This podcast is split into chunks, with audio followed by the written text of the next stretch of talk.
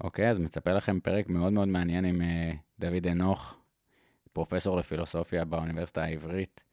דוד הוא בעיקר uh, אתיקן, מתעסק באתיקה ומטה-אתיקה. דיברנו הרבה על שאלות וגם על uh, תשובות של פילוסופיה, מה אנחנו יכולים לקחת מפילוסופיה וללמוד, המלצות לאיך להתחיל ללמוד פילוסופיה למי שמתעניין בו, כמה סיפורים פילוסופיים, בעיית הטרולי פרובלם או בעיית הקרון. המלצה חמה מאוד ל-The Good Place, סדרה בנטפליקס, שככה אני ראיתי בעקבות הפרק וממש ממש מומלצת, אז מי שראה את הסדרה מוזמן לי לדבר איתי. אה, בתחילת כל פרק אנחנו מתחילים עם כמה שאלות מה-85 שאלות שאני רץ איתן כבר בערך 10 שנים. חלק מהחברים שלי מכירים אה, וחלק לא. זה בעצם 85 שאלות שהן אוניברסליות, פתוחות ומשמעותיות, אה, לייצר איזו שיחה משמעותית, אז אה, אם מישהו רוצה את ה-85 שאלות כדי לעשות את זה עם הבן, בת זוג, אה, משפחה, באיזה טיול משפחתי, חברים, אחרי ארוחת שישי במקום 20 שאלות של יואנה, או סתם שיהיה לכם, אז מוזמנים לשלוח לי הודעה. תהנו מאוד מהפרק. יאללה, מתחילים.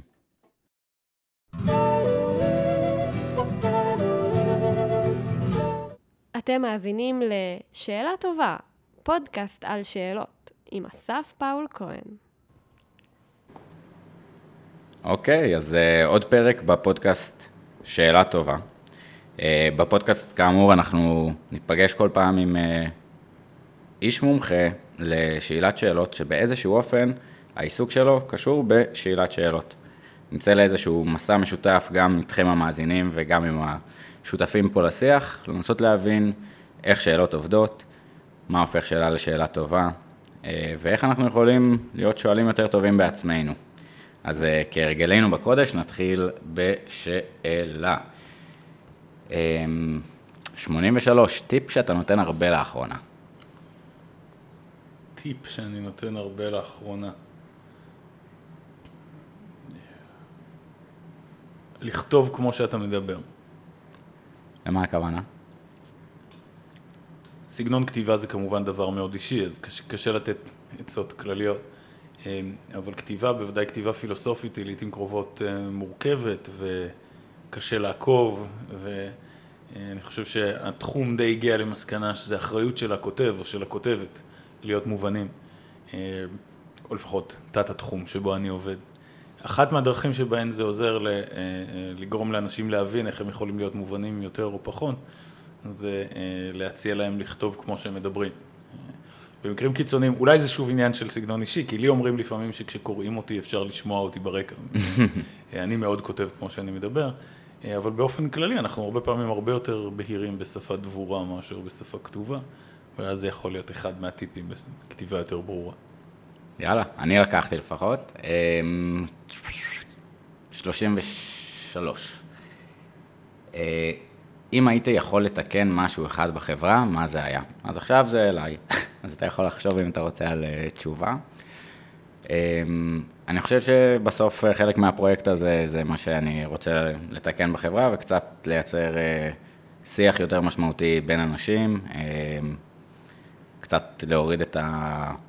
מחסומים של מחשבה סטריאוטיפית וכל המגבלות שאנחנו נותנים פה בחברה בארץ על כל בן אדם, וקצת לראות אותו בתור בן אדם אנושי אה, שחי פה, ויאללה, בואו נעשה דברים טובים ביחד. אז מין אה, כזה, אולי. זה נשמע לא רע. מה, אתה היית מתקן? אני אתן לך משל, לא, אנקדוטה. ביל גייטס הוא לא בדיוק אה, דמות מופת מבחינה מוסרית, אבל מצד שני, בדברים מסוימים הוא דמות מופת מבחינה מוסרית. אה, אז למשל הקרן שהוא הקים יחד אה, עם אשתו, וקרוביו, שאתה יודע, יש לה תקציב בגודל של יותר מתקציב של מדינות מסוימות. ומה שיותר מרשים זה שיש להם סדרי קדימויות נכונים. Mm-hmm. אז קראתי ראיון איתו כבר לפני הרבה שנים, שבו הוא אמר משהו כמו, כשאנשים אומרים לי שהם רוצים שלכל ילד באפריקה תהיה גישה למחשב, אני תמיד חושב לעצמי, בכלל היית באפריקה? כי הם, הם לא מבזבזים את הזמן על זה, הם בודקים, הם מדבירים מחלות מסוימות, הם דואגים למים נקיים בכל מיני, והם עושים שינוי אדיר, כן? יש לו גם פרקטיקות עסקיות בעייתיות מאוד, אבל הם גם עושים את הדברים האלה. והמחשבה הזאת על אה, לפני מחשב לכל ילד, תדאג שיהיו להם מים נקיים, נראית לי מחשבה נכונה באופן כללי. אז כן, לשנות את השיח והכל יכול להיות מצוין, ואולי מועיל בכל מיני דרכים. אבל הקו המנחה הנכון פוליטית לדעתי הוא באופן קצת משעמם. סבל. צריך להתמקד בסבל ולדאוג שיהיה קצת פחות ממנו. זה מספיק. יש כל מיני דרכים לעשות את זה, ואולי הדרכים שאתה הצעת הם חלק מהם. אה, אז בוודאי הם רצו, והרבה מהדרכים לא מתנגשות, כלומר אפשר לעשות יותר מדבר אחד בכיוון הזה. אה, אבל אני, אה, לפני שכל מיני פילוסופים פוליטיים מדברים על שיח עמוק מכל מיני סוגים, אני הייתי רוצה לוודא שיהיה קצת פחות סבל. אוקיי, okay. אני, אני, אני חושב שמה שיפה גם באמת בעשייה של מלינדה, או לא זוכר, אבל ביל גייטס וזוגתו, כן, איזה באסה, אוקיי, um, שבאמת הם עשו תהליך שאלת שאלות אסטרטגי לפני, um, כן. ובאמת המחשבה של אוקיי, מה יכול לייצר את האימפקט הכי גדול, נכון. uh, ואיפה אנחנו מגיעים כאיזשהו סט של אני אשים uh, בתגובות את השאלות uh, שהם... שאלו את עצמם, וזה ממש מגניב. אז לא הייתי מודע למשהו כזה, אבל, אבל זה לא מפתיע אותי. אדיר, התחבר לנו. אמ, ואוקיי, נגיע אחר כך להאם אנחנו צריכים אה, רק לצמצם את הסבל ותועלתנות ואיפה זה פוגש אותנו, אבל לפני שאנחנו נקדים, עוד שאלה אחת ומתחילים. מספר. 18. 17. איזה סרט ראית הרבה פעמים? וואו, אוקיי, אז זה בדיוק. אה, איזה שאלה היית רוצה שישאלו אותך? אמ, הייתה תקופה שראיתי לא מעט פעמים מונטי פייתון. אמ, הנסיכה הקסומה יצא לי לראות ממש לא מעט פעמים. קלאסי. My name is Inigo Montoya. כן, בדיוק. אוקיי, אז איתנו דוד אנוך, איש אה, סגל בחוג לפילוסופיה אה, ובפקולטה למשפטים באוניברסיטה העברית בירושלים. כמו שנאמר, קשה אבל הכי טוב. יאללה, נתחיל. קדימה. אז היית ילד סקרן?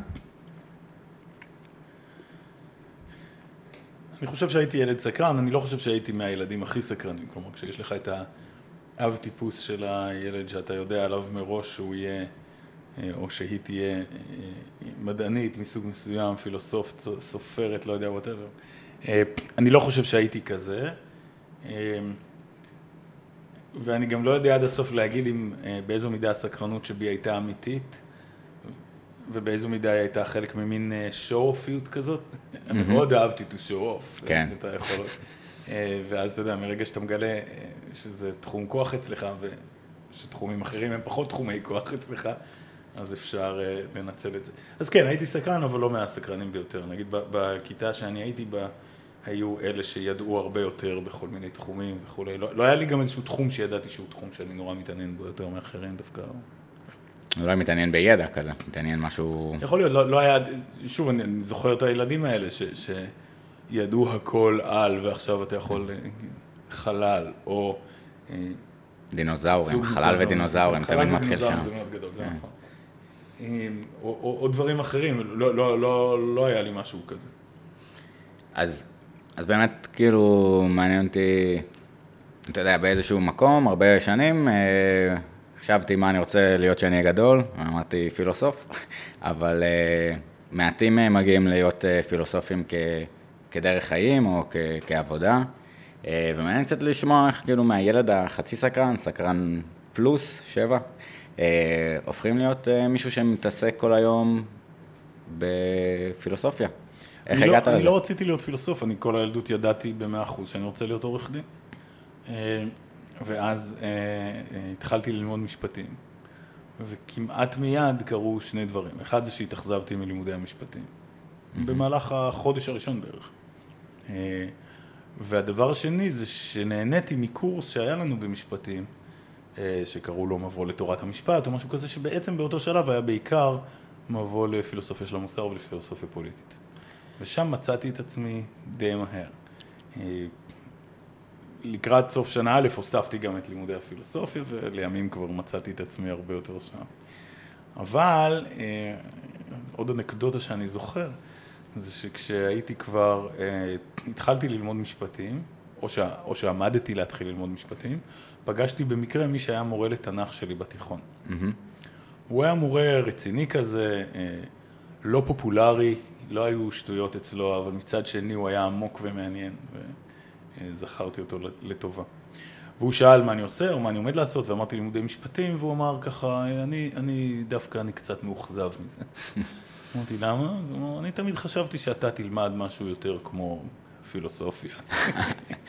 כן. כן, אז זה היה, זה היה נחמד. לימים, אחרי שהייתי ראש חוג, אה, אה, פגשתי את הבן שלו, שהוא גם איש סגל בירושלים, וביקשתי שימסור לו שאני זוכר את השיחה, ושיגיד לו שעברתי יותר לתחום הזה. אבל כן, בפירוש אני לא זוכר כילד את עצמי רוצה ללמוד אה, פילוסופיה. גם לא הייתה לי תחושה של מה זה, היה לנו נכון. משהו בכיתה, מורה לפילוסופיה, שקראנו איתה אפלטון, וזה היה הכי משעמם בעולם. אז... אה, כן, צריך באמת אולי איזושהי בשלות כזאת לפילוסופיה, אפילו אם היא פוגשת אותך... אני לא חושב שצריך בשלות, אתה יודע, יצא לי כמה פעמים למשל להעביר הרצאות בכיתות, כולל, אתה יודע, אצל הילדים שלי, אחיינים, או סתם באיזשהם הקשרים אחרים, ובכל מיני גילאים, נגיד מכיתה ב' או ג' עד י"ב. אה, בכל אחד מהגילאים האלה אתה יכול למצוא חומר מעניין פילוסופית שיתפוס את הילד, בדרך כלל לא את כולם, אבל אתה תופס זוגות עיניים שלגמרי תופסים את זה, של, ושואלים אותך שאלות מצוינות. אה, יש אפילו טענה, אני חושב שיש בה משהו שילדים, לפחות ילדים מסוימים, יותר פתוחים לפילוסופיה מאנשים יותר בוגרים, כי עוד לא הסבירו להם שזה בזבוז זמן. כן. הם יכולים באופן נקי להתעניין בשאלות עצמן. אה, אז אה, לא, אני פשוט חושב ש, שהיא לא עשתה את זה היטב, המורה ההיא, ומורים אחרים, כן.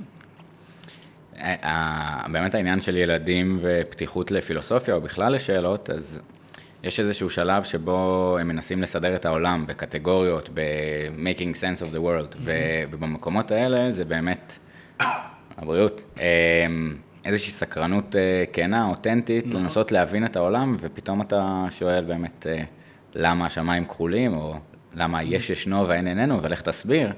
אה, שלב מגניב. אה, נכון, אני לעשות- מסכים, כן. אני מסכים, זה היה מאוד, אני- אני כמעט תמיד יוצא מפגישות כאלה עם אה, הנער רבה.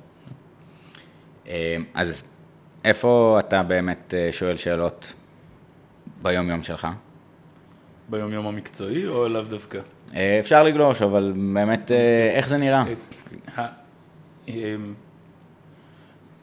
אז האמת היא ש, שרוב העבודה, אה, כשאתה עושה פילוסופיה, לפחות כשאתה עושה פילוסופיה באקדמיה, שזאת המסגרת היחידה שאני ממש מכיר, אמ, אז רוב העבודה לא כרוכה בלשאול שאלות חדשות ממש. רוב העבודה כרוכה בלהתקדם קצת עם שאלות קיימות. יש השאלות הנורא נורא גדולות בפילוסופיה, שרוב האנשים מכירים כי הם נתקלו בהן אה, פעם, אנחנו לא ממציאים שאלות חדשות כאלה. כן? יש בזה משהו אה, אה, מרגש במיוחד אם כן. כלומר, אני- אני חושב למשל שאני, אה, אני חושב שאני, חלק מהעבודה שאני עושה היא, היא מקורית, לפעמים אפילו אחרים תופסים אותה כמקורית, אבל אני לא חושב שעד היום יצא לי לחשוב על שאלה, על איזשהו פאזל, על בעיה ש, שאיש לא חשב. אני חושב שאני חושב על שיקולים חדשים שאנשים לא חשבו עליהם, או על תשובות חדשות שלא חשבו עליהם, או על יתרונות או חסרונות שלא חשבו עליהם לפתרונות קיימים, דברים מהסוג, וזה בסדר גמור גם, זה גם כן. בסדר. אה, אבל המחשבה, אה, אה, אם אפשר לשאול שאלה שהיא חדשה לגמרי, שאיש לא ראה שיש שם בעיה עד שאתה הגעת, אה, זה מרגש במיוחד. אה, ו... אבל זה גם אה, נדיר. את- אתה יודע, ב... ב... ב... לפעמים כשאתה מגיש בקשות למימון מכל מיני קרנות או כל מיני דברים כאלה, מבקשים, או, או מבקשים שתתאר את ה-breakthrough שלך, את פריצת הדרך, את ה... כן, וזה תמיד גורם לי לחשוב שהם לא מבינים את התחום. כי בפילוסופיה, מה, יש אה, פריצת דרך אה, פעמיים במאה, אני לא יודע, משהו כן. כזה, כן, מה אתה... אתה חושב שכל אחד שמגיש לך בקשה, יש לו את פריצת הדרך שלה, אם הוא מוכן לחנטרש מספיק, לא אם... אה, אז כן, אז, אז רוב ההתקדמות היא לא ברמה של באמת לשאול שאלה חדשה של איש אבל, אבל אם כן, זה פנטסטי. אז אולי ניקח צעד אחורה, לנסות להבין, כאילו בעצם תפסו לנו את כל השאלות כבר, כל הפילוסופים הקודמים. היה... אני לא בטוח שזה נכון.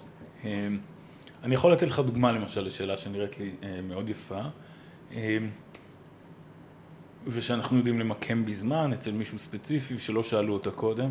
אה, אני רק צריך, אה, אה, וכאלה יכול להיות שיש עוד, אז אולי לא תפסו לנו את הכל.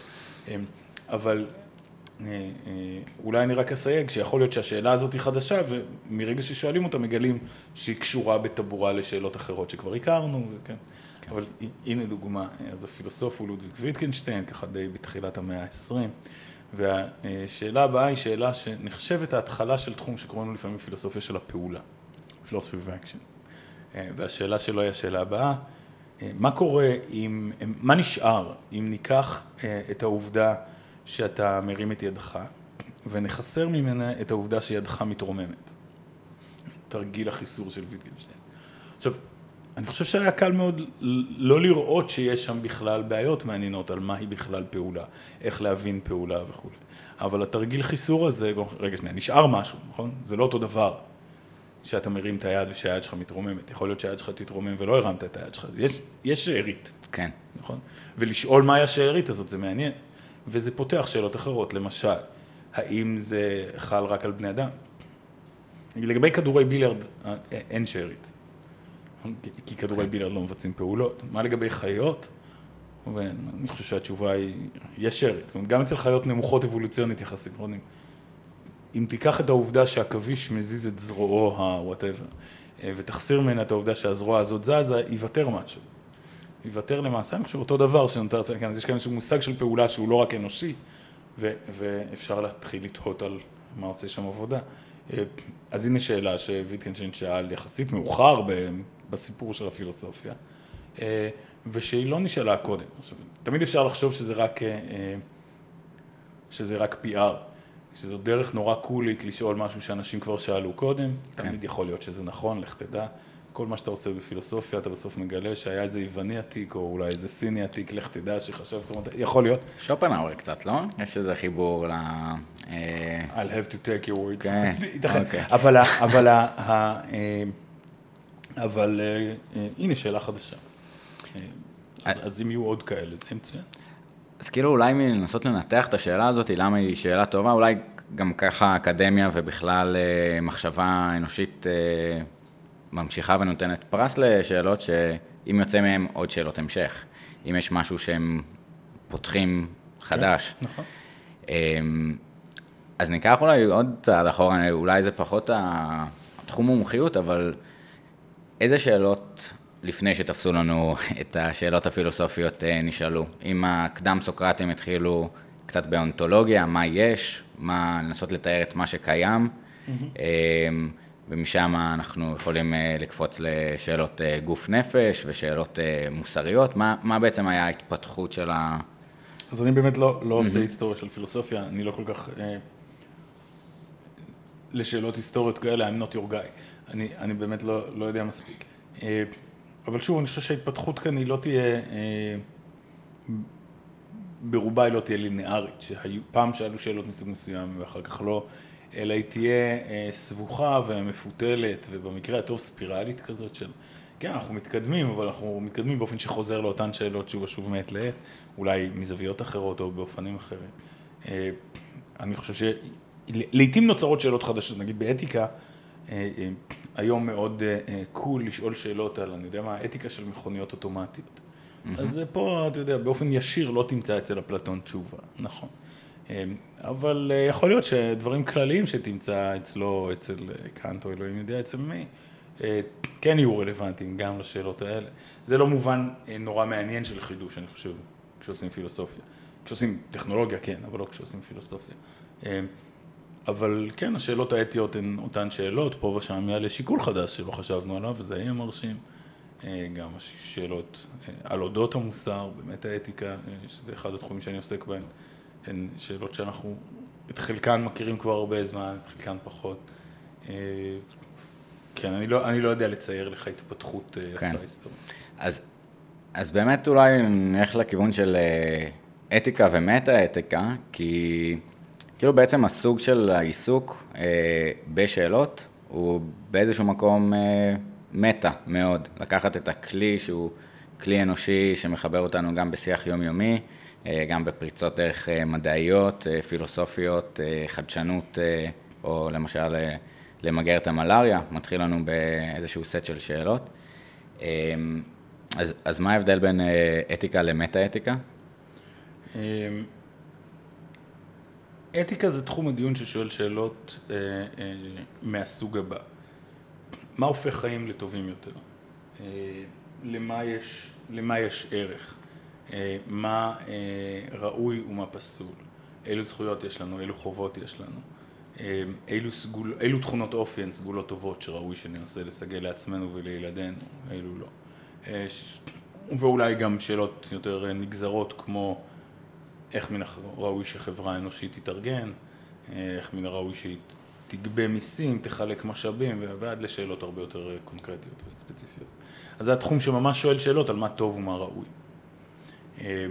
מטה-אתיקה זה לא, במטה-אתיקה אנחנו לא שואלים שאלות כאלה, אנחנו שואלים שאלות על אודות השאלות האלה, ועל אודות התשובות להן. תכף אני אתן דוגמאות, אבל אני חושב שמועיל לחשוב על זה בסוג של אנלוגיה. אז כמו, תחשוב על היחס בין מדע לבין פילוסופיה של מדע. אז מדענית במעבדתה חוקרת את מה שזה לא יהיה שהיא חוקרת. כוחות מסוימים ביקום, או הרכב של איזשהו חומר, או אה, אה, חוקיות של התנהגות של איזשהו חיידק, או דברים מהסוג הזה. אם אתה פילוסוף של מדע, אתה לא שואל את אותן שאלות שהמדענית שואלת, אתה שואל שאלות על אודות העבודה של המדענית. אתה שואל שאלות כמו אה, מה מאשש תיאוריה, או מה גורם לה להחזיק בתיאוריה הזאת ולא בתיאוריה ההיא, האם יש אמת, איך מגיעים אליה במדע וכולי. אז, אז היחס הוא יחס, הנה אנלוגיה פסיכומטרית כזאת, mm-hmm. מדע פילוסופיה של מדע, אתיקה מטה-אתיקה. כלומר, כשאנחנו עושים את האתיקה, אנחנו לא, או לפחות לאו דווקא שואלים את השאלות האתיות עצמן, אנחנו שואלים שאלות על אודותן, כמו למשל, האם יש תשובות לשאלות אתיות? האם יש להן תשובות אמיתיות או שקריות, אמיתיות באופן אובייקטיבי, מה זה בכלל אומר? אובייקטיביות בהקשר הזה. האם אפשר לדעת טענות מוסריות, האם יש עובדות מוסריות בעולם בכלל? אם כן, מה המבנה שלהם או מה הן מורכבות? מה הדרך הטובה ביותר להבין מושגים מוסריים? שאלות מהסוג הזה. אני רק צריך לסייג, זה יישמע קצת כמו קריקטורה על פילוסופים, אבל בכל זאת, וזה שכל דבר בפילוסופיה הוא שנוי במחלוקת, כולל עצם האפיון של חלק מהתחומים ותתי התחומים. אז מה שאני הצגתי עכשיו כדרך לאפיין אתיקה ומטה אתיקה ואת ההבדל ביניהם היא דרך די מרכזית ומקובלת, אבל היא לא חפה מביקורת, כי אין שום דבר שחף מביקורת בפילוסופיה. יש אנשים שחושבים שאין בכלל הבחנה כזאת שמטה אתיקה ואתיקה חד הם. יש אנשים שחושבים שיש איזושהי הבחנה, אבל היא, היא לא דיכוטומית, היא מאוד מין רצף כזה של זליגה מאחד לשני. יש אנשים שחושבים שמטה אתיקה doesn't make sense, כל מה שיש זה אתיקה. אז כן, אז יש כאן טווח רחב של עמדות, אפילו לגבי השאלה הזאת. ו- ומה אולי מאפשר את, ה- את המעבר מכביכול אתיקה היא מאוד מופשטת, אבל עדיין השאלות הן יותר קונקרטיות, ובמטה אתיקה אנחנו עוברים עוד איזשהו כן, שלב יש תחושה שלפעמים כשאנחנו עושים פילוסופיה, אנחנו עושים דברים מאוד מטה, יש כזה קריקטורה חביבה של, חביבה, אני מתכוון חביבה על פילוסופיה. שכתוב בה משהו כמו everything you can do, I can do meta. אז, אז זה, זה משהו מהסוג הזה. הם, לא ברור אם יש קשרים חזקים בין אתיקה למטה-אתיקה. תחשוב שוב על הדוגמה של מדע, לא ברור שהמדענית במעבדתה צריכה גם לקרוא פילוסופיה של מדע. לא ברור שיש משהו ממה שאנחנו נעשה בפילוסופיה של מדע שאמור להשפיע במשהו על העבודה של מדענים. יש אנשים שחושבים שמטה-אתיקה, הקשר בין מטה-אתיקה ואתיקה הוא כזה, הוא כלומר, צריך לעשות אתיקה, כי צריך לדעת תשובות לשאלות, מה טוב ומה ראוי ומה פסול וכולי. וזה מעניין לעשות מטה-אתיקה, פשוט כי זה מעניין, אם אתה, אם יש לך מספיק מזל כדי לקבל משכורת על עשייה פילוסופית, זה שזה מספיק מעניין, זה טעם מספיק טוב לעשות את זה. אבל בוא לא נעמיד פנים שיהיו קשרים מעניינים, או שינבעו מסקנות אתיות מהדיון המטה-אתי. יש אנשים שחושבים שיש שם הבחנה. יש אנשים שחושבים שיש קשרים מעניינים. אני חושב שיש קשרים מעניינים בתנאים מסוימים ולא בתנאים אחרים. אז, אז אם נמשיך עם האנלוגיה, הרבה, א', כל דוקטורנט הוא PhD, זאת אומרת בפילוסופיה, ובאיזשהו שלב כן, אנחנו... כן, אבל זה סתם כי פעם פילוסופיה היה הכל. בדיוק, מה שנקרא. פעם פילוסופיה היה הכל, ולאט לאט נוצר איזשהו מדע, ואנחנו חוזרים לפילוסופיה של המדע הרבה פעמים שהמדע נתקל באיזשהו חוסר בהירות, או מחפש איזשהו פריימוק וגלגל הצלה. Mm-hmm. איפה זה קורה באתיקה ומטה-אתיקה, או מקרה שאתה יודע, היה קצת סביב פיזיקה קוונטית ודוגמאות של הביליארדים, אם אתה רואה את זה, את הכדורים רצים ברוורס או קדימה, אם אתה יכול לדעת, וחזרה שוב לפילוסופיה, כן. איפה... אני לא חושב שה... אני לא חושב שיש מין רגעים כאלה שהם משבריים באתיקה, ואז פתאום אנשים אומרים, בואו, uh, let's go back to basics, בואו נעשה קצת מטה-אתיקה ונחזור מצוידים טוב יותר לדיון האתי. Uh, יכול להיות שיש אנשים ש, שחושבים על זה כך לפעמים, תמיד יכול להיות שהיו התפתחויות כאלה בהיסטוריה. Uh, אני לא חושב שזה, uh, אני לא חושב שזה עובד ככה. אני חושב שיש קונצרנס מסוימים, יש דאגות מסוימות במטה-אתיקה שהן uh, דאגות מאוד טבעיות שהיו קיימות מאז ומעולם. שמא בעצם אה, אה, אין אמת אובייקטיבית בשום מובן מעניין באתיקה יותר מהמובן שבו יש אמת אובייקטיבית לגבי טעם וריח. או שמא אה, אה, בעצם המוסר זה הדרך של הבינוניים להשתלט על החזקים. Mm-hmm. או שמא, כן, אתה מכיר, מכיר את ה... זה ניטשה קצת, נכון? אין. אני מניח, יש כן. כל מיני חששות מהסוג הזה. לא צריך, החששות האלה הם, הם שם, והם חששות מטה-אתיים באופיים. אתה לא צריך עוד מוטיבציה כדי לדון בהם, זה לא כאילו everything works smoothly ואז אנחנו לא חושבים, אנחנו חושבים גם על הדברים האלה. וחוץ מזה שבאתיקה אף פעם המצב הוא לא ש-everything works smoothly, אז, אין, אה, אז, אז למרבה הצער אין לנו הבעיה הזאת. אה, אז כן, יש, יש, יש מספיק אתגרים לכולם, גם באתיקה וגם באמת. אמ, אולי גם ניקח עוד אה, כל מיני צעדים אחורה. יש דוגמאות או שאלות שאתה אוהב במיוחד להעביר בשיעורים? נגיד, לא יודע, אוקיי. פתוח. כן, ה- יש... אה, בשנים האחרונות אני מלמד קורס בשנה א' בפילוסופיה, שקרוי בעיות מרכזיות בפילוסופיה, הוא מין תפריט טעימות כזה, אני, אני, אה, אה, לא נכנסים לעומק של שום בעיה באותה מידה שאתה נכנס בקורס שעוסק בבעיה הזאת, אבל מצד שני, כן, אני מנסה לתת תחושה של מספר בעיות מרכזיות וגם של הדרך שבה דנים בהן. ואני חושב שיש הבחנה מאוד יפה בין יותר מהבחנה אחת, הנה הבחנה אחת בין שני סוגי שאלות. סוג אחד זה של אה, אה, בעיה פילוסופית שכולם מיד רואים שהיא בעיה עמוקה. אז נגיד אם אני מדבר עם תלמידים על חופש רצון, או על אה, ספקנות, אתה יודע, זה, זה, הם כולם נתקלו בה מתישהו, לא בטקסט הזה, לא באופן מדויק, יש עוד עבודה לעשות, בסדר, אבל הבעיה, כולם רואים שהיא בעיה. כולם רואים שהיא עמוקה, כולם רואים שהיא קוראת לדיון פילוסופי. וזה, וזה אה, סוג אחד נחמד. אה, צריך להיזהר קצת לא להיות נדוש, כן? בקולג'ים אמריקאים, כך מספרים לי, אמור להגיע השלב שבו שואלים את השאלה על העץ שנופל ביער ואף אחד לא שומע אותו, זה הפך להיות בדיחה. אז אתה לא רוצה להיות נדוש, וגם אתה רוצה להבהיר להם שפה זאת לא סתם שיחת סלון או שיחת מדורה, אלא, אלא פה יהיו סטנדרטים, וכן, אבל, אבל הבעיה היא בעיה כזאת שתופסת. לעומת זאת יש בעיות אחרות שהן בעיות שקשה בשטור שלב ראשון למי שאין לו עניין או גישה מיוחדים לפילוסופיה, קשה להעביר להם שיראו שיש שם בעיה עמוקה. ואז לפעמים ההישג כמורה הוא דווקא ההישג הזה, לא להציע עוד פתרונות וכאלה, אלא לגרום לאנשים לראות שמשהו שהם לקחו כמובן מאליו, אה, הופך להיות בעצם תחת מעט מחשבה, בעיה עמוקה ורצינית. אה, ואז חלק מהשאלות הן כאלה, חלק כן. מהשאלות גם בקורס הן, הן כאלה, וזה... וזה נחמד במיוחד.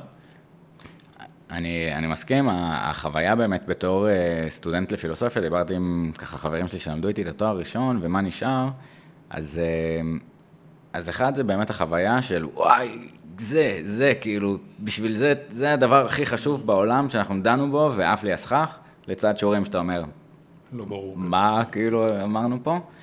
אה, אבל גם החשיפה לשאלות ש...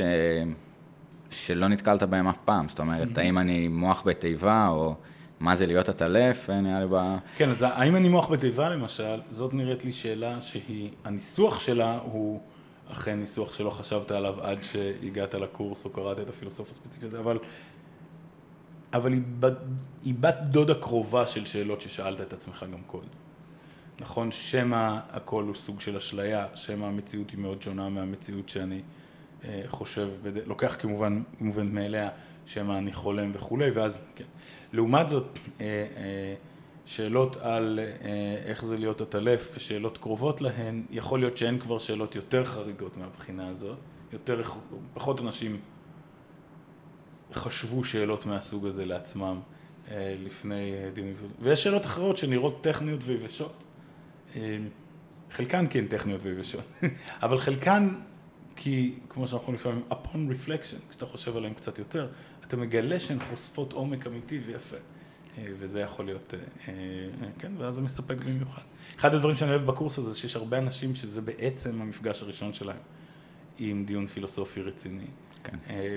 וכמובן, לחלקם זה עובר, זה, זה, זה לא, it doesn't engage them, זה, לא, זה לא הם, אבל לחלקם נדלקות עיניים, וזאת חוויה מאוד כיפית כמורה כשנדלקות עיניים. חבל על הזמן. אה, אמ, אמרת שאלות טכניות שמייצרות איזשהו אה, עניין מטורף, אז דוגמה אולי קלאסית שעולה זה The Trolley אה, Problem, בעיית הקרון, שהיא חרושה עד, עד מוות, יש דף בפייסבוק מעולה.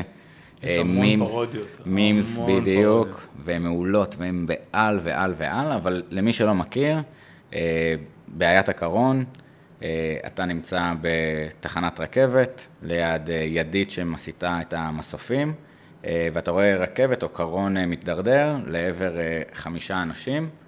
אתה יכול להסיט את המסילה ככה שהיא תזוז ותהרוג רק מישהו אחד. מה אתה עושה? כן, הבעיה הזאת היא בעיה שמעלה לראשונה פילוסופית בשם פיליפה פוט, ואני חושב שמי שהופכת אותה ליותר מפורסמת את הבעיה זאת אה, אה, אה, פילוסופית בשם ג'ודית ג'ארוויס תומפסון. יש יותר מדרך אחת להציג את הבעיה, הדרך שאתה הצגת היא דרך נכונה חלקית, כלומר, שאלה אחת היא מה לעשות כאן, או אולי נדייק מעט יותר, שאלה אחת היא האם מותר מבחינה מוסרית להסיט את הקרונית? מהמסילה שבה היא תהרוג חמישה, למסילה שבה היא תהרוג רק אחד. וגם כמו שאנחנו אומרים לפעמים בפילוסופיה, כל שאר התנאים שווים, זאת אומרת, זה לא שהחמישה אחראים למצב והאחד לא, להפך, זה לא שהם חמודים והוא לא, זה לא שלאימא שלהם יהיה אכפת ולאימא שלו לא יהיה אכפת, כן, לא לרמות, כל שאר כן. התנאים. הבעיה הזאת לא נראית לי אה, עמוקה ומעניינת, גם נראה לי שהתשובה עליה ברורה, התשובה היא שמותר להשיג את הכל. אני לא בטוח שחובה להסיט את עקרונית, אבל התשובה היא שמותר. איפה שהדברים הופכים להיות הרבה יותר מורכבים ומעניינים, mm-hmm. זה כשמתחילים להשוות את הדוגמה הזאת למשפחה שלמה של דוגמאות אחרות. אז הנה דוגמה, ואפשר לתת עוד דוגמאות אחרות ממש, או אה, אה, וריאציות על אה, מקרה עקרונית. אז הנה וריאציה אחת, נאמר שמה שאתה יכול לעשות כדי להציל את החמישה, זה לא להסיט את הקרונית מהמסילה של החמישה למסילה של האחד, אלא להשליך מישהו מגשר שיעצור בגופו את העקרונית. המהדרין מוסיפים אה, שמן, ואולי הורידו את זה ובצדק. כן, אבל אנחנו, אנחנו... אה, בדיוק, אה, די עם הפט שיימינג. אני חשבתי במשך שנים שלפחות לי מותר, אבל אני לא בטוח שאפילו זה היה נכון. כן. אז על כל פנים, מכיוון שזו דוגמה היפותטית, אנחנו יכולים לתאר אותה גם בלי לבייש אף אחד, אז עדיף. בדיוק. כן, הנקודה היא שאם תשאל אנשים, אני משתעשע בזה בכיתות לפעמים, אה, לכולם ברור שאסור להשליך את הבן אדם מהגשר כדי, לה, כדי לעצור את הקומונית. אה, למרות שהתוצאה תהיה אותה תוצאה, כלומר חמישה ינצלו ואחד ימות. לגבי השאלה האם אה, מותר להסיט את הקרונית מהמסילה עם החמישה למסילה עם האחד, התשובה שמתקבלת בדרך כלל היא שמותר, אם כי התשובה הזאת היא לא קונצנזואלית. כמעט כולם אומרים שאסור להשליך את האיש מהגשר, ורוב גדול אומרים שמותר להסיט את הקרונית. ועכשיו השאלה שהיא באמת עמוקה ומעניינת למרות כל הפרודיות על מקרה עקרונית, זה מה ההבדל בין שני המקרים ולמה. כן. אה, אז מקרה עקרונית, שוב, אני חושב שהוא מרתק כשלעצמו, אבל הוא אה, אה, דרך אחת יפה להעלות את השאלה, בעצם בסוף את השאלה, מה הופך פעולה לפסולה. והתשובה, התוצאות שלה היא תשובה לא מספיק טובה, כי הרי בשתי הדוגמאות דאגנו שהתוצאות תהיינה אותן תוצאות. ואם בכל זאת אחת פסולה ואחת לא, או אפילו אם שתיהן פסולות אבל לא באותה מידה, לא באותה רצינות, אה, זה אומר שיש כאן הבדל במעמד המוסרי של פעולות, שהוא לא רק הבדל שנובע מהתוצאות שלו. וזה לקח חשוב. ו- ו- ודרך באמת שאלות שהן כביכול יחסית פשוטות, או איזשהו ניסוי אה, מחשבתי כזה, אה, שהרבה פעמים גם נגיד נגיע לאולי אה, ניסוי המחשב של נוזיק, של להתחבר לאיזושהי מכונה שמעצימה את כל התחושות שלך לטובה, האם היית רוצה לחיות דרך מערכת כזאת, מין מטריקס כזה, שאלה יחסית פשוטה, לייצר איזשהו מצב היפותטי, זאת אומרת, סוג השאלות של מה אם, איזו יצירת עולם כזה, בעצם פותח סט, גם סט מאוד גדול של שאלות המשך, אה, וגם הצצה, ל, אם בבעיית הטרולי, לתועלתנות מול אה, אה, הצו המוסרי של קאנט, ולהשתמש בבן אדם כ, ככלי. אה, שואלת השאלה אם אתה דוחף בן אדם אה, והוא עוצר, אז למה לא אותך? אה, ושלל שלל שאלות, אני אשים אה, לינק לדף של הממים, הנאה מצופה. כן. אז עוד צעד אחורה, כאילו, מה מבדיל בין שאלה של מה השעה, או שאלה סתמית לשאלה פילוסופית בעצם? אני לא בטוח שיש מובן מעניין שבו יש שאלות פילוסופיות. זה לא כי אני מקטין את הפילוסופיה, זה כי אני מגדיל אותה. אני אימפריאליסט פילוסופיה, אני חושב ש... הכל זה פילוסופיה בערך. ההבדל בין מי שעושה פילוסופיה למי שלא, זה בדרך כלל שכולם עושים פילוסופיה, אבל חלקם לא עושים אותה היטב. אז אני חושב שעל הרבה מאוד שאלות אפשר לשאול אותן באופן פילוסופי, לחקור אותן באופן פילוסופי, ואפשר גם לא. זה נכון כמובן במובן סוציולוגי שיש שאלות שיותר שואלים במחלקות לפילוסופיה מאשר במקומות אחרים או באוניברסיטה או מחוץ לה. זה בוודאי, אה, זה בוודאי נכון, וכאן אפשר לתת בהם סימנים. למשל, אה, שאלות אמפיריות רבות הן אה, לא מסוג השאלות שבהן יש לנו יתרון יחסי כפילוסופים, נכון? זה מה שאתה רוצה לדעת כרגע, זה לא השאלה האם מותר להסיט את הקרונית או לא, אלא השאלה מה רוב האנשים חושבים לגבי השאלה. האם מותר להסיט את הקרונית. זאת כבר לא שאלה פילוסופית, זאת כבר שאלה, לא יודע מה, פסיכולוגית או סוציולוגית. אה, ואז צריך לחקור אותה בכלים אמפיריים. אין, אין לי, אני, אני מהכורסה שלי, מכורסתו של הפילוסוף. לא, אין, אין לי יתרון יחסי בבירור השאלה הזאת. יכול להיות שיש לי תובנות מעניינות. אה, יש היום, אה, ראיתי לאחרונה, יש מחקרים אמפיריים בשאלה לא רק מה אנשים חושבים על כל מיני דברים שיכולים להיות רלוונטיים פילוסופית, אלא האם פילוסופים מצליחים לנבא נכונה את מה שהרבה אנשים יחשבו לגבי שאלות כאלה, והתשובה היא אנחנו כנראה די בסדר בזה, לא פנטסטיים, אבל די בסדר בזה. כי זה לא נורא מפתיע, כי אתה חושב, אם מישהי פילוסופית מצוינת, צריכה להיות לה הבנה לא רעה של תחומים מסוימים, ואולי גם של בני אדם לפחות בתחומים מסוימים, ואז זה יכול להתקשר, כן, אבל יש גם חריגים, וזה גם בסדר. אז כן, אז אם, אם הכלים המרכזיים שלך הם אמפיריים, אני, I'm not your guy.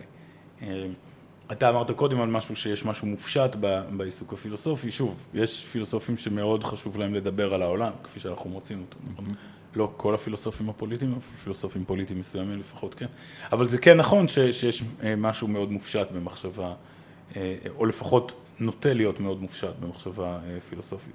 אז אם, ככל שהשאלות שלך הן יותר קונקרטיות, כך אתה מתרחק יותר נגיד מהליבה הפילוסופית. זה לא אומר שלא יהיו דברים פילוסופיים שיהיו רלוונטיים לך, אבל כן. ואז השאלות הנוספות שאפשר לשאול על שאלות כאלה זה עד כמה הן מעניינות פילוסופית. Mm-hmm. מאוד יכול להיות שיש שאלות שלשאול אותן זה יהיה פורה פילוסופית. ושאלות אחרות שזה לא יהיה פורה פילוסופית. למשל, השאלה למקרי עקרונית שונים, אני, אני שותף ל... יש שם בתחום חוסר נחת מסוים, קוראים לזה לפעמים טרולילולוגי או משהו כזה, כן, אה, אה, אז יש אה, אי נחת מסוימת מזה ואני גם שותף לה באופן חלקי, אבל אני כן חושב שלשאול חלק מהשאלות האלה יכול להיות מאוד פורה כדרך לחשוב על שאלות יותר גדולות, כמו מה הופך פעולה לראויה או לפסולה, מה הם האלמנטים שרלוונטיים מבחינה מוסרית. אני לא בטוח שהדרך היחידה להגיע אליהם זה דרך שאלות עקרוניות, אבל מצד שני זו דרך פוריה וטובה, זה נכון. ויש שאלות אחרות שאולי די מהר אתה מגיע לגביהן לגבי, לאיזשהו סוג של מבוי סתום, שלא ברור ש, ש, שיש עוד משהו נורא מעניין להגיד עליו. אה, יש שאלות שמתקשרות מהר לשאלות אחרות, יש שאלות שלא כל כך, אה, ואז יותר שווה להשקיע פילוסופית בשאלות מהסוג הראשון. יותר מאמרים. אה, לא, כן, סתם, אבל... יותר... לא, לא, זה בסדר, ומותר גם, גם להיות פרגמטיסט בעיסוק הפילוסופי שלך, אבל, אבל לא רק, כן? כן. אבל אולי בכל זאת אני אקשה קצת, כאילו, איך אנחנו נוכל להבדיל בין שאלה שהיא שתיהן פילוסופיות, אבל אחת היא עם פוטנציאל יותר טוב. כשאתה נתקל בשאלה כזאת, יש את ה... זה, זה קשה, יש ציטוט של איזה שופט, אה, אני לא יודע להגדיר אה, פורנוגרפיה, אני יודע לזהות אותה שאני רואה אותה. אז אפשר או לבוא ממקום של למה שאלה ספציפית היא טובה במיוחד פילוסופית, או אולי לנסות... אה, שנגזור קצת כללי אצבע לשאלה שהיא טובה יותר משאלות אחרות. זאת שאלה טובה, אני לא באמת, אה, אני לא באמת, ברור לי שחלק ממה שאתה אה, לומד לפתח, אם אתה אה, הופך להיות פילוסוף טוב, או לפחות אתה מספר לעצמך שאתה לומד לפתח את זה, זה את ה- I know it when I see it, כזאת, את התחושה של אוקיי, זאת שאלה מעניינת ועמוקה עם מעל הדברים. אני לא יודע אם יש לי רעיון למבחני אצבע כאן, וכמובן, גם, על, גם השאלה מה הן השאלות הטובות, היא שאלה שתהיה שנויה במחלוקת בפילוסופיה. לא יהיה קונצנזוס אפילו על זה. כן. אה, כי בסדר, אנחנו לא in the business of להשיג קונצנזוס, אז זה, זה בסדר. אה, אולי אני יכול לתת לך דוגמה לסוג שאלה שנראה לי אה, לאו דווקא הכי פורה. רמזת כבר במידה מסוימת של ציניות על תעשיית המאמרים, אני חושב שראוי להיות ביקורתי כלפיה לפעמים, מצד שני שהיא בעלת ערך. אבל קורה שלפעמים אתה נכנס למין נפתולים כאלה, שמישהו מציע תיאוריה ומישהו מציע התנגדות, ואז מישהי מציעה התנגדות להתנגדות, ומישהו מציע תשובה חלקית למה שהיא הציעה כהתנגדות וכולי, כן. שאלות מהסוג הזה הן שאלות, שאלות, ש... שאלות שהן מעניינות רק בתוך התחום. Mm-hmm. הן שאלות שלא נראות לי מבטיחות במיוחד. זאת אומרת, אני, אני, אני צריך לסייג, כי לפעמים יכולות לעשות, יכולה להיעשות עבודה פילוסופית מאוד רצינית בדיוק בדברים כאלה, וזה בסדר. אבל אה, לפחות, אולי אני אסייג את זה, לפחות הטמפרמנט הפילוסופי שלי הוא כזה שבסוף המוטיבציה המרכזית לדיון, או השאלה המרכזית שמעניינת, צריכה להיות כזאת שהיא לא נגישה אליך רק מתוך הספרות ההייפר מקצועית והטכנית, ש... אה, אלא היא צריכה לענות על איזשהו קונצרן יותר, יותר מרכזי ו... ו... וגלובלי, זה לא אומר שכל אחד אה, צריך להבין את הקונצרן הזה תוך 30 שניות שיחת מעלית, אבל זה כן אומר שצריך להיות שם איזשהו קונצרן יותר מרכזי שאתה מגיב לו, ואז כל הנפתולים האלה צריכים להיות רלוונטיים לעיסוק רציני בזה. אה, אז הנה דוגמה למשהו שאני חושב שנוטה להפוך שאלה ללא מספיק פוריה. זה עם העניין היחיד של זה, זה של הארבעה אנשים שהיו מעוניינים בהתנגדות לסייג לסייג להתנגדות, פחות.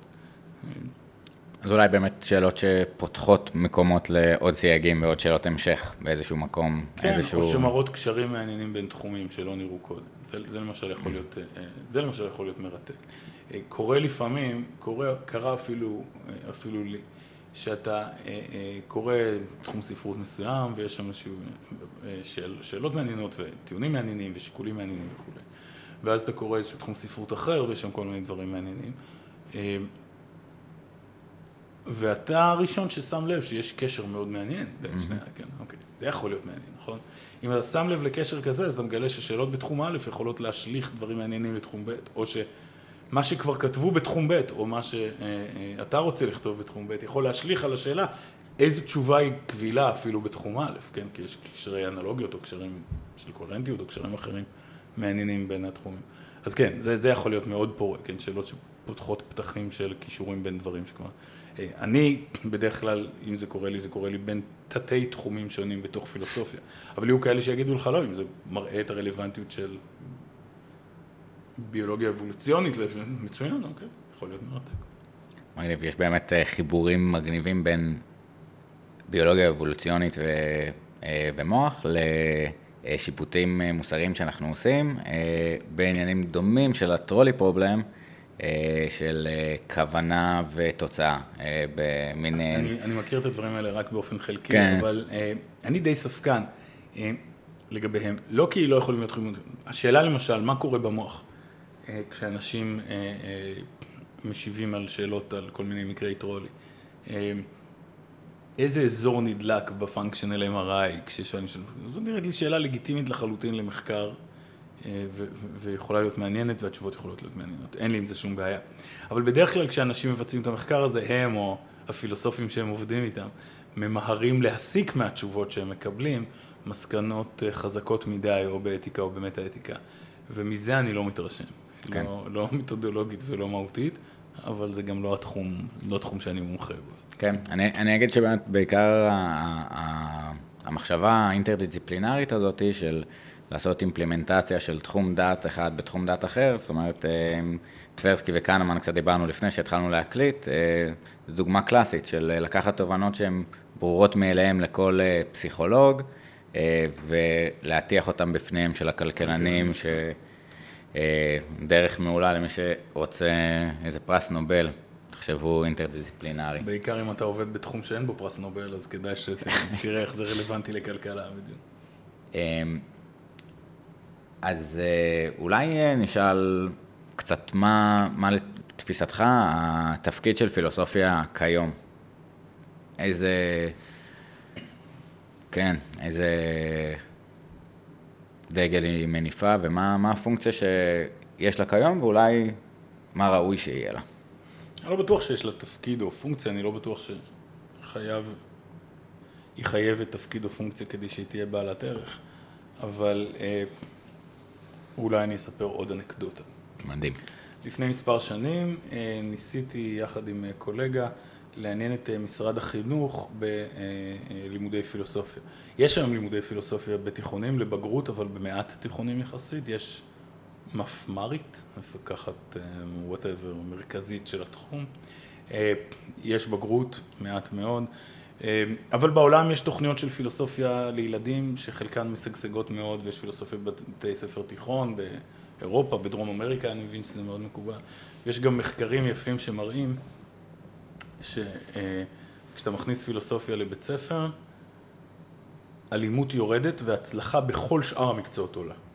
שזה נחמד. נחמד, כן. אתה חושב, נגיד שהם לא ידעו פילוסופיה, אבל אם אתה תדאג שיהיה שיח יותר טוב, תהיה פחות אלימות ויצליחו יותר בחשבון ובהיסטוריה, עשית משהו, נכון?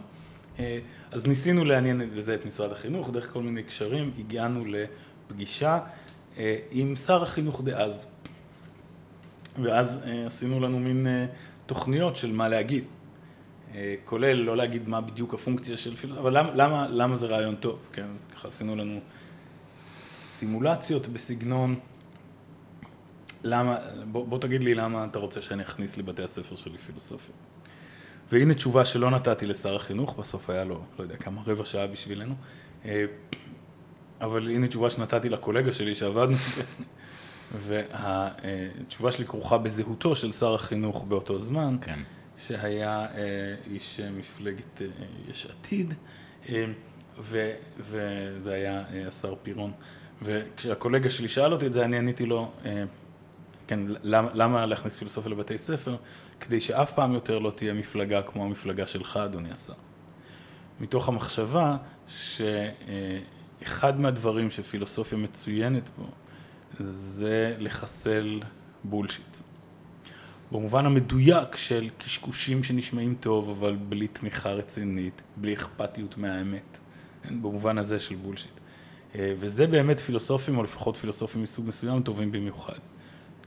ככה zero tolerance לבולשיט ומוכנות אה, לנפץ אותו, כולל באופנים לא נעימים תמיד, אבל, ואני חושב שזה אה, אה, מצוין ונורא חשוב לנפץ בולשיט.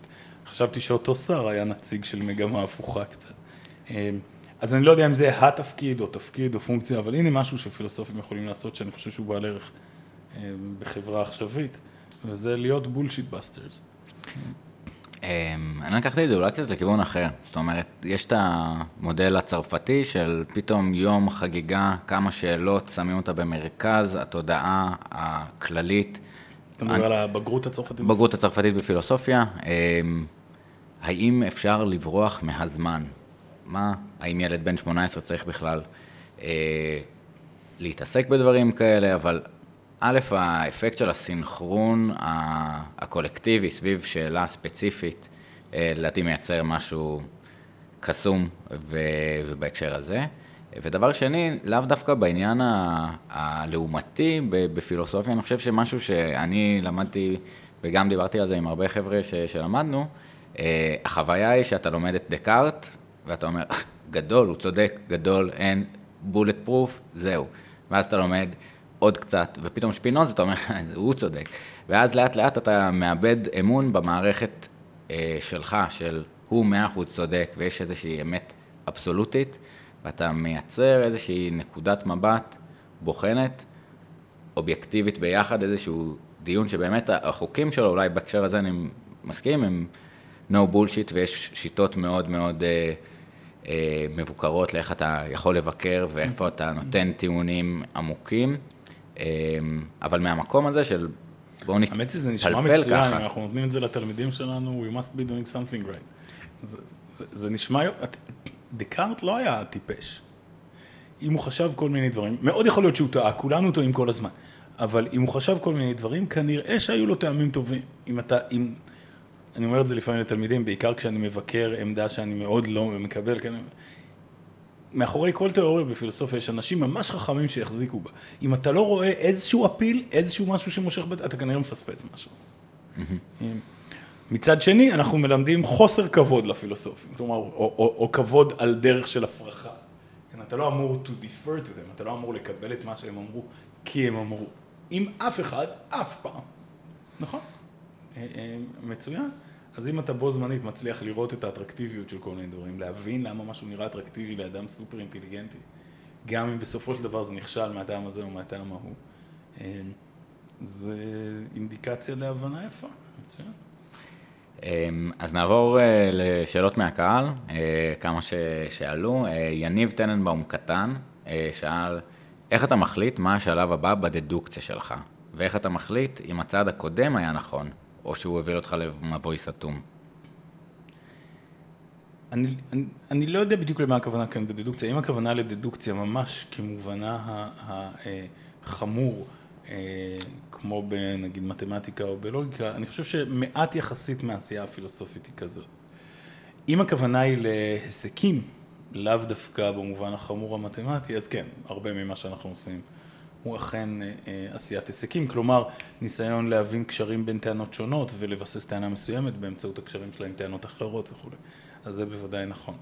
אבל גם אז התמונה שמוצגת בשאלה של, אה, היא שאלה, היא תמונה לינארית מדי. כלומר התמונה היא כאילו יש לך נקודה מסוימת שהגעת אליה ועכשיו אתה מנסה להתקדם ממנה אל הנקודה הבאה וממנה אל זו שאחריה וכולי. אבל האמת היא שמדובר בבלאגן.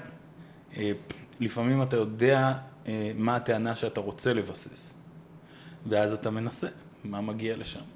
עכשיו, אם אתה עורך דין, אז אתה, הדבר היחיד שמעניין אותך זה מה מגיע לשם, לא מעניין אותך בכלל אם זה אמיתי או לא, אתה צריך להגן על הלקוח או, או, או מה שזה לא יהיה. ואם אתה אה, פילוסוף, אתה לא כזה, ואתה יכול לשקול מחדש ולהגיד, תראו, האינטואיציה הראשונית שלי הייתה שכך וכך, ניסיתי ולא הצלחתי למצוא משהו שמבסס אותה באופן מספיק טוב, למעשה מצאתי רק בעיות. אז אני עכשיו צריך לנטוש את העמדה שאיתה התחלתי, בסדר. אבל, אבל זאת, זה גם סוג של progress, זה סוג של קדמה, למרות שהיא לא לינארית בצורה הזאת. אמ, לאיזה כיוון אתה רוצה להתקדם? הרבה פעמים לפי מה שנראה לך נכון באורח קדם תיאורטי. אמ, איך אתה יודע אם לא טעית עד עכשיו? אתה אף פעם לא יודע כלום, אתה תמיד עושה כמיטב יכולתך. אם יש לך מספיק מזל, אז העבודה שלך תייצר גם מידה מסוימת של תשומת לב, מה שאומר שאחרים אה, אה, יהיו מושקעים בזה. להגיד שהם מושקעים בזה, זה אומר שהם יהיו מושקעים בלהפריך אותך. כמעט תמיד זה הסיפור. לפעמים הם יהיו מושקעים בלראות איך נקודה שהעלית יש לה עוד השלכות שלא חשבת, זה גם בסדר גמור. אבל אה, שוב, הבעיה המרכזית של רובנו היא לא שמפריחים אותנו, אלא שמתעלמים מאיתנו. אם יש לך מספיק מזל כדי שיפריחו אותך, אז זאת תהיה, אז, אז תשומת הלב הביקורתית של אנשים אחרים תהיה... תהיה כוח מאזן ופידבק מועיל.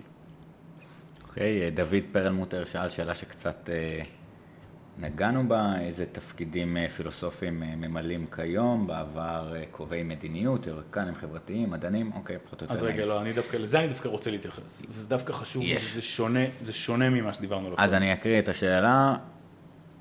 אורך, לאורך ההיסטוריה, הפילוסופים עיצבו את המסגרת המחשבתית שדרכם חשבו קובעי מדיניות, תיאורטיקנים חברתיים, פוליטיים ולפעמים גם מדענים. לפעמים הפילוסופים עצמם השתתפו ממש בדיון עצמו. האם היום הפילוסופים ממלאים את התפקידים האלה? האם הם צריכים למלא את התפקידים האלו? זאת אומרת, האם ראוי שהם ימלאו את התפקידים האלה?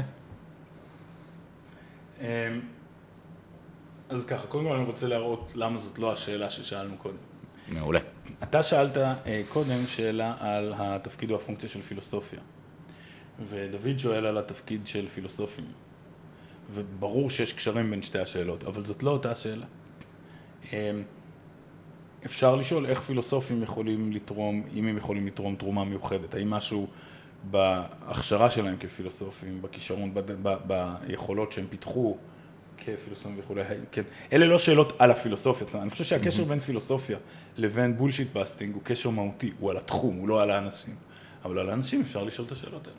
האם זה רעיון טוב שפילוסופים יהיו מעורבים יותר פוליטית? אה, כפי שכך טוען דוד, הם היו בעבר. אז קודם כל, מבלי לדעת מספיק בהיסטוריה, אני רוצה להטיל ספק בטענה הזאת, ההיסטורית, על כמה שפילוסופים היו מעורבים בעבר. אה, נכון שאפשר להצביע על כמה פילוסופים שהיו אה, מעורבים, אה, אבל הרוב הגדול לא היו מעורבים, אני חושב. וגם אם הם היו מעורבים, צריך לזכור, כן, קשה, קשה לערוך ניסויים כאלה מעבר לתקופות שונות. אז למשל, בתקופות ובחברות שבהן רק אחוז מאוד מאוד קטן ידע לקרוא בכלל, זה לא מפתיע שחלק מהאנשים שקראו וכתבו היו גם, כי כל הכוח וכל העושר וכל הידע רוכז בשכבה כל כך כל כך דקה, זה היו אותם אנשים, מה אפשר לעשות? ואז זה שהמצב שלנו הוא שונה, זה כמובן יתרון ולא חיסרון. אז השאלה שיותר מעניינת אותי לא השאלה ההיסטורית, אלא השאלה על פילוסופים היום ומה הם צריכים לעשות והאם צריך לפנות לנו יותר מקומות בפרלמנט או בוועדות. האם אנחנו צריכים לעשות יותר מזה, האם זה רעיון טוב וכולי, ואני מודה שהשאלה הזאת מעניינת אותי גם כי היא מעניינת באופן כללי, אבל גם כי היא שאלה עליי, mm-hmm. ועל אה, אולי תלמידיי ותלמידותיי. והאמת היא שאני לא יודע. אני לא יודע כי אני חושב שפילוסופים אמורים להיות טובים בדברים כאלה, אה, ולכן שזה בזבוז לא להשתמש במשאב הזה. ואיכשהו יש לי, אני חושב, בראש גם את הפנטזיה שאנחנו לא רק טובים בדברים האלה, אלא שצריך שההמונים יכירו בזה שאנחנו טובים בדברים האלה, ולמה הם לא מכירים? או לפחות איזו טפיחה על השכם. משהו, משהו כזה, לפחות לפעמים. אה, מצד שני, אה, צריך להסתכל קצת בעובדות. וכשמסתכלים על העובדות, למשל על השאלה אילו פילוסופים כן תורמים לשיח ציבורי, והאם התרומה שלהם חיובית או שלילית, אה, אז איך נאמר בלשון המעטה, אני פחות בטוח. אה, ברור שזאת בעיה בישראל, אבל אני לא חושב שזאת רק בעיה בישראל. אז למשל, אה, סוג הפילוסופים שהתבטאו אה, באופן תדיר וגם שישמעו אותם בסוגיות שקשורות למוסר של מלחמה, אני חושב שלפחות לחלקם, אני חושב על אחד ספציפי מרכזי, יש השפעה משמעותית על השיח הציבורי, אבל היא השפעה משחיתה ומסוכנת, והיא גם משחיתה את הפילוסופיה. אה, או לפחות את התפיסה אה, אה, של מהי פילוסופיה בציבור.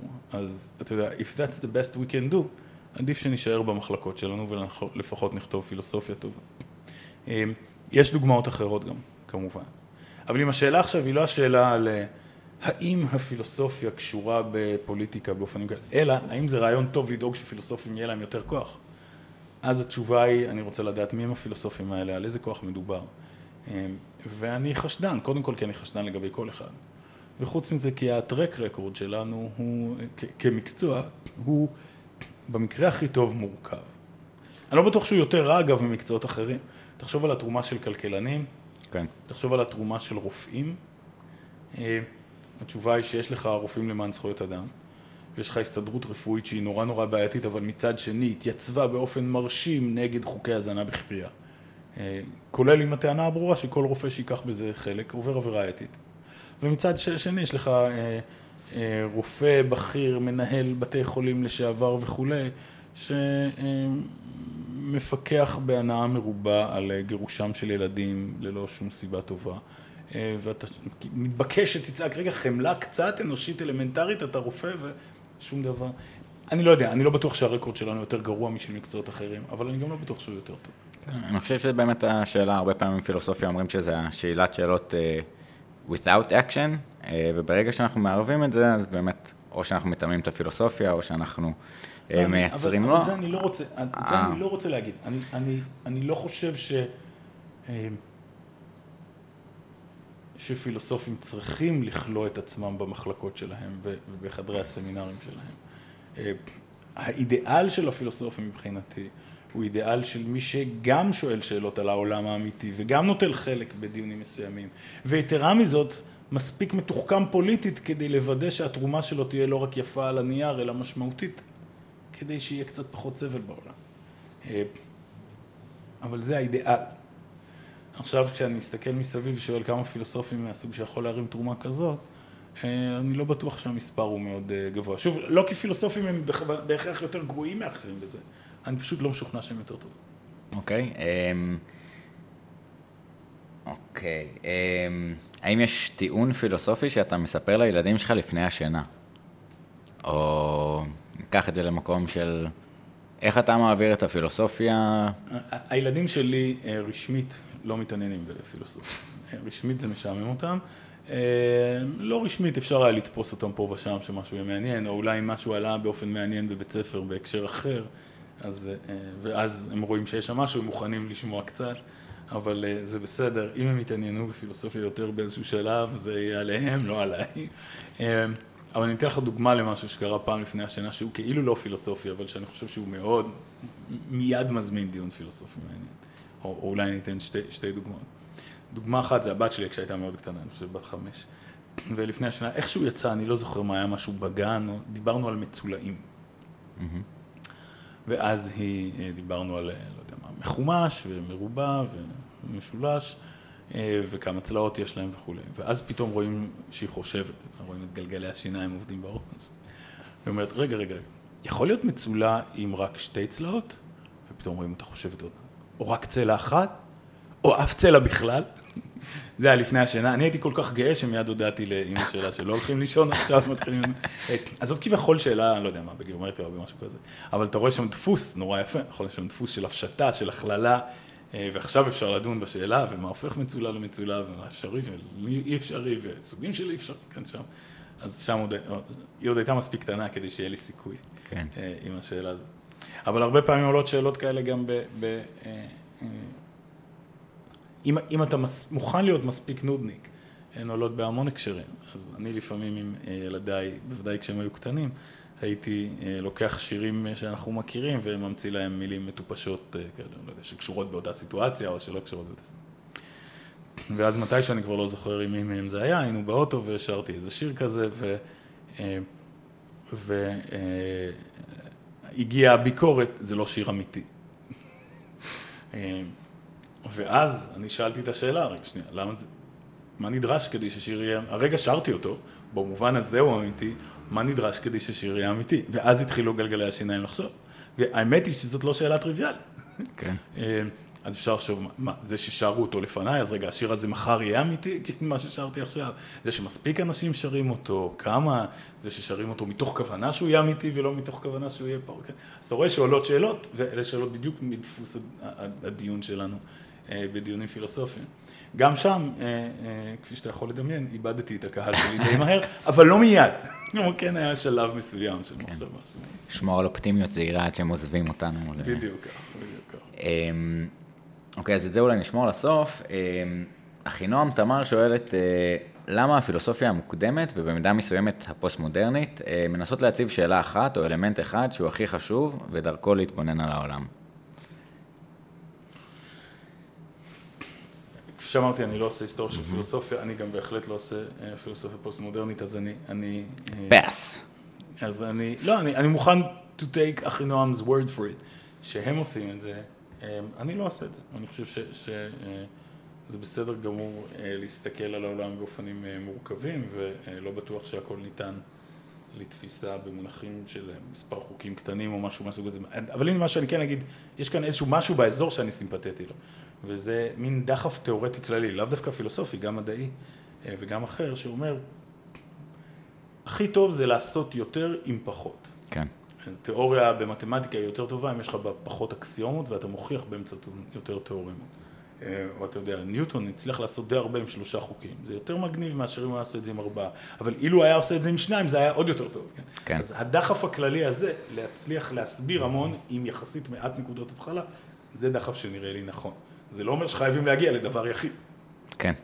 אמ, אוקיי, אמ, עוד שאלה ואז מעבר לקראת הסוף. אמ, שי שואל, אה, האם לדעתו, לדעתך, אה, יכולות להיות שאלות שלעולם לא יהיה קונסנזוס יחסי על הדרך הנכונה לענות עליהן?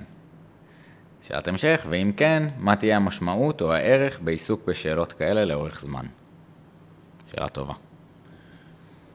ברור שתיתכן השאלות כאלה, אה, אה, יש לנו כבר שאלות כאלה. גם, לגב, גם בשאלות בפילוסופיה, אין קונצנזוס לגבי המתודולוגיה הנכונה להכריע. אולי ניתן קצת דוגמאות, טיפונת ל... שאלה אפשר להשתמש בדוגמאות ש, שחלקית דנו בהן. אם אתה, יש מחלוקת גם עכשווית בספרות לגבי השאלה האם הדרך הנכונה להכריע בשאלות מוסריות היא באמצעות למצוא עקרונות כלליים, ואם כן, האם הדרך הכי טובה למצוא את העקרונות האלה זה באמצעות ניסויי חשיבה כדוגמת מקרה עקרונית למיניהם. ואין על זה קונצנזוס. אז, אז כן, ודאי שתיתכנה שאלות כאלה. אם, אילו היינו רוצים ממש ממש להתחכם, אז היינו יכולים להגיד, גם השאלה של שי עצמה היא שאלה שאין קונצנזוס לגבי המתודולוגיה של האחר, וזה בסדר. אבל השאלה השנייה של שי הייתה, אה, ואז אה, אם תיתכנה שאלות כאלה, מה המשמעות או הערך של דיון בשאלות האלה. וכאן יש ברקע, הוא לא אמר את זה, שי, אבל ברקע נשמעת, אה, נשמע ספק, שאומר משהו כמו, רק אם, רק לגבי שאלות שיש לגביהן קונצנזוס לגבי המתודולוגיה של איך לדון בהן, רק בהן יש טעם לדון, או רק בהן יש ערך. Mm-hmm. ואת ההנחה הזאת אני מבקש לשלול מכל וכל. אה, משום שקונצנזוס הוא בעיניי אף פעם לא מבחן לשום דבר. אולי אין טעם לדון בשאלות שאין דרך טובה לדון בהן. אבל מה הקשר בין זה לבין הטענה שאין טעם לדון בשאלות שאין דרך קונצנזואלית לדון בהן? גם אם אין קונצנזוס לגבי מה הדרך הטובה לדון בהן, זה לא אומר שאין דרכים טובות יותר וטובות פחות לדון בהן. ואז השאלה יכולה להיות בעלת ערך, וחשוב לדון בה, וחשוב לדון בה בדרכים טובות לדון בה. ואולי חשוב לנסות ולשכנע את מי שלא רואה שאין דרכים טובות, שאין דרכים טובות. אבל עצם זה שיש מישהו שלא רואה שאין דרכים טובות, זה לא אומר לא שהדרכים הן לא טובות, לא שהדיון הוא לא ראוי, ולא שהשאלה אינה בעלת ערך. אוקיי. Okay. אמ, אז שאלה אחרונה, אמ, וממנה אולי נצא גם לאיזושהי אמרה כללית, אה, חמוטל שואלת, היא מספרת שהיא אמ, משתפת את הכיתה שלה כל הזמן בדברים פילוסופיים, והיא מאוד מתקשה באיזשהו הסבר פשוט של מהי פילוסופיה. אם תוכל לעזור לה. אגב, חמוטל אה, אה, כתבה באיזו כיתה היא מלמדת? אוי, שאלה גיל? טובה, אני חושב. שהיא כיתה ט', אבל אני לא זוכר. אוקיי. אז, אז אולי שני, אה, שני דברים. ראשית, אה, יש דברים שהדרך אה, אה, הכי מועילה לומר, אה, לתת למישהו תחושה של מה הם, היא לא לספק הגדרה שלהם, אלא אה, לעשות אותם. יש לזה דוגמאות מצחיקות, אם אתה שואל מישהו, תגיד לי, מה זה למולל? כמעט כולם מגיבים באמצעות תנועת ידיים של כן. למולל. אה, אפשר גם להגדיר את זה, אבל ברור שתנועת הידיים מועילה יותר. אבל אפשר לתת, מישהו שואל אותך מה זה מוזיקה, או, או שאולי שהוא שואל אותך מה, מה זאת מוזיקת פאנק, או מה זאת מוזיקת בארוק, או whatever. אז במקום לדבר, זה רעיון נורא להשמיע לו את המוזיקה. ויש עוד אה, דברים מהסוג הזה. אז אני חושב, אני נגיד בקורס שכבר הזכרתי, של שנה א', אני אומר, לא תהיינה כאן הגדרות של מהי פילוסופיה. אה, הדרך הכי טובה לעשות את זה, זה תרגיעו, בואו נעשה קצת פילוסופיה. ואז בסוף אני אוכל להגיד לכם, אתם יודעים מה זה פילוסופיה? תסתכלו אחורה מה שעשינו. אז זה לא רע, זו דרך לא רעה אה, להשיב על השאלה הזאת. זאת הנקודה הראשונה. הנקודה השנייה היא שבכל זאת אפשר להגיד משהו כדי לאפיין, זה לא כאילו אין לנו כאן שום דבר שאנחנו יכולים לעשות. אני חושב על פילוסופיה כתחום ששואל שאלות, לעיתים קרובות שאלות שאנחנו שואלים ממילא, אבל שואל אותן באופן מעט אחר, מנהל את הדיון באופן מעט אחר. אז אני אוהב להשתמש כאן במשל המברשות האבות והמכחולים הדקים. הרבה מהשאלות, כולל, למשל במקרה עקרוניות, הרבה תלמידים אמרו לי שהם אחר כזאת הייתה השיחה אצלם ביום שישי בערב. קל מאוד לעניין אנשים, אתה לא צריך להיות פילוסוף בשביל לראות שיש שם משהו מעניין, קל מאוד, וזה בסדר גמור, זה מצוין. או השאלה האם רק תוצאות משנות למעמד המוסרי של פעולה, וגם שאלות אחרות. אמ, כשנערוך את הדיון הפילוסופי נשאל את אותן השאלות, אבל נשאל אותן הרבה יותר בזהירות. נבחין הבחנות הרבה יותר מדויקות. ננסה להשתמש בטיעונים יותר אה, אה, חמורים, יותר ריגורוזיים. אה, ננסה לדייק מאוד בניסוחים שלנו. הסיבה שנדייק בניסוחים שלנו זה לא זה לא רק כמו אה, אה, אה, ללבוש בגדים יפים, זה משום שכשנדייק בהם יותר, נראה יותר טוב אם הטיעונים עובדים או לא. או אולי אה, עם הבחנה יותר טובה נראה שבעצם כשאמרנו משהו התכוונו להגיד משהו מעט אחר, עליו אפשר להגן על האחר לא. כן, דבר, דברים מהסוג הזה.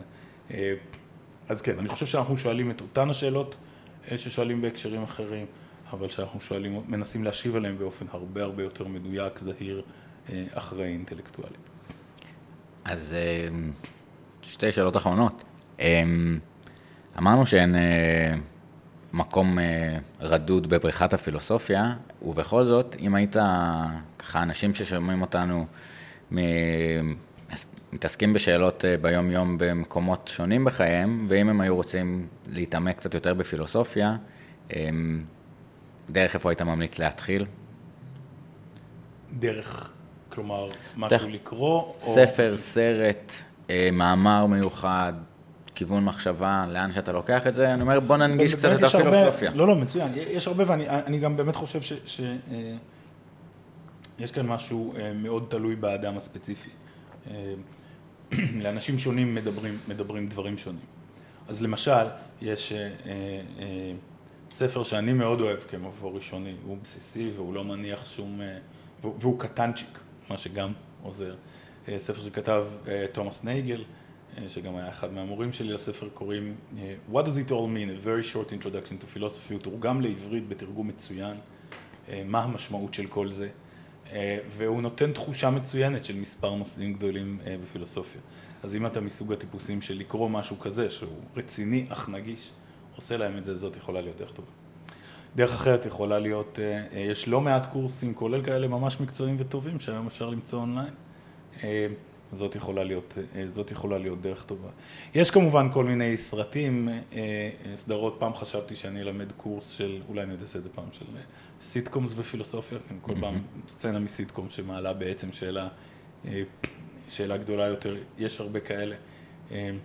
אבל אם אתה במצב רוח הנכון, אז באמת שכמעט כל דבר יכול לעורר שאלות ו- ו- ודיונים פילוסופיים, וזה מצוין. היום יש אפילו סדרת סיטקום פילוסופית כזאת, The Good Place. שהיא ממש ממש ממש, היא, פילוסופית ממש, אתה יכול למצוא בה מקרי עקרוניות, ואתה יכול למצוא בה הפניה לספרים פילוסופיים עכשוויים, ויש פילוסופית של המוסר שהיא אחת מהיועצות לכתיבה, והספר המרכזי שמוזכר שם, המכירות שלו באמזון קפצו, אני לא זוכר כמה, בעקבות זה, אז אפשר לראות גם דברים כאלה. יש באמת uh, המון.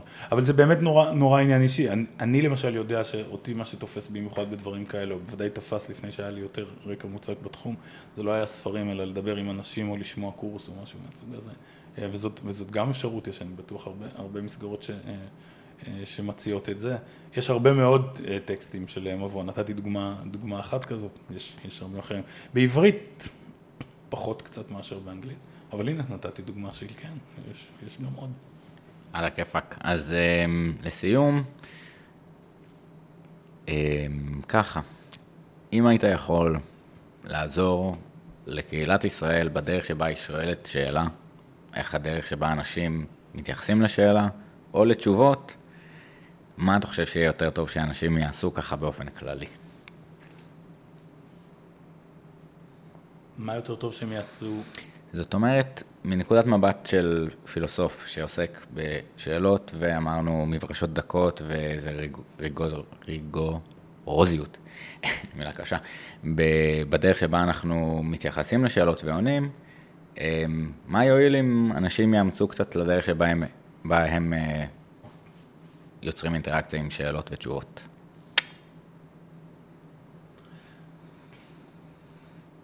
אני לא יודע, מה יועיל? זאת שאלה אמפירית על העולם, אני לא בטוח שיש לי יתרון יחסי. מהו? אה, מה הטוב? אבל אפשר, אבל אפשר, אה, אה, אפשר, אפשר לחשוב, אולי אני, אני, אני אתן לך עוד סיפור.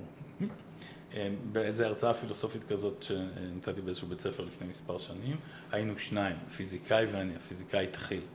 אז היו לי, לא יודע כמה, חצי שעה לפני זה, שישבנו באולם, זה היה מין חדר כזה באשכול פיס באיזה בית ספר.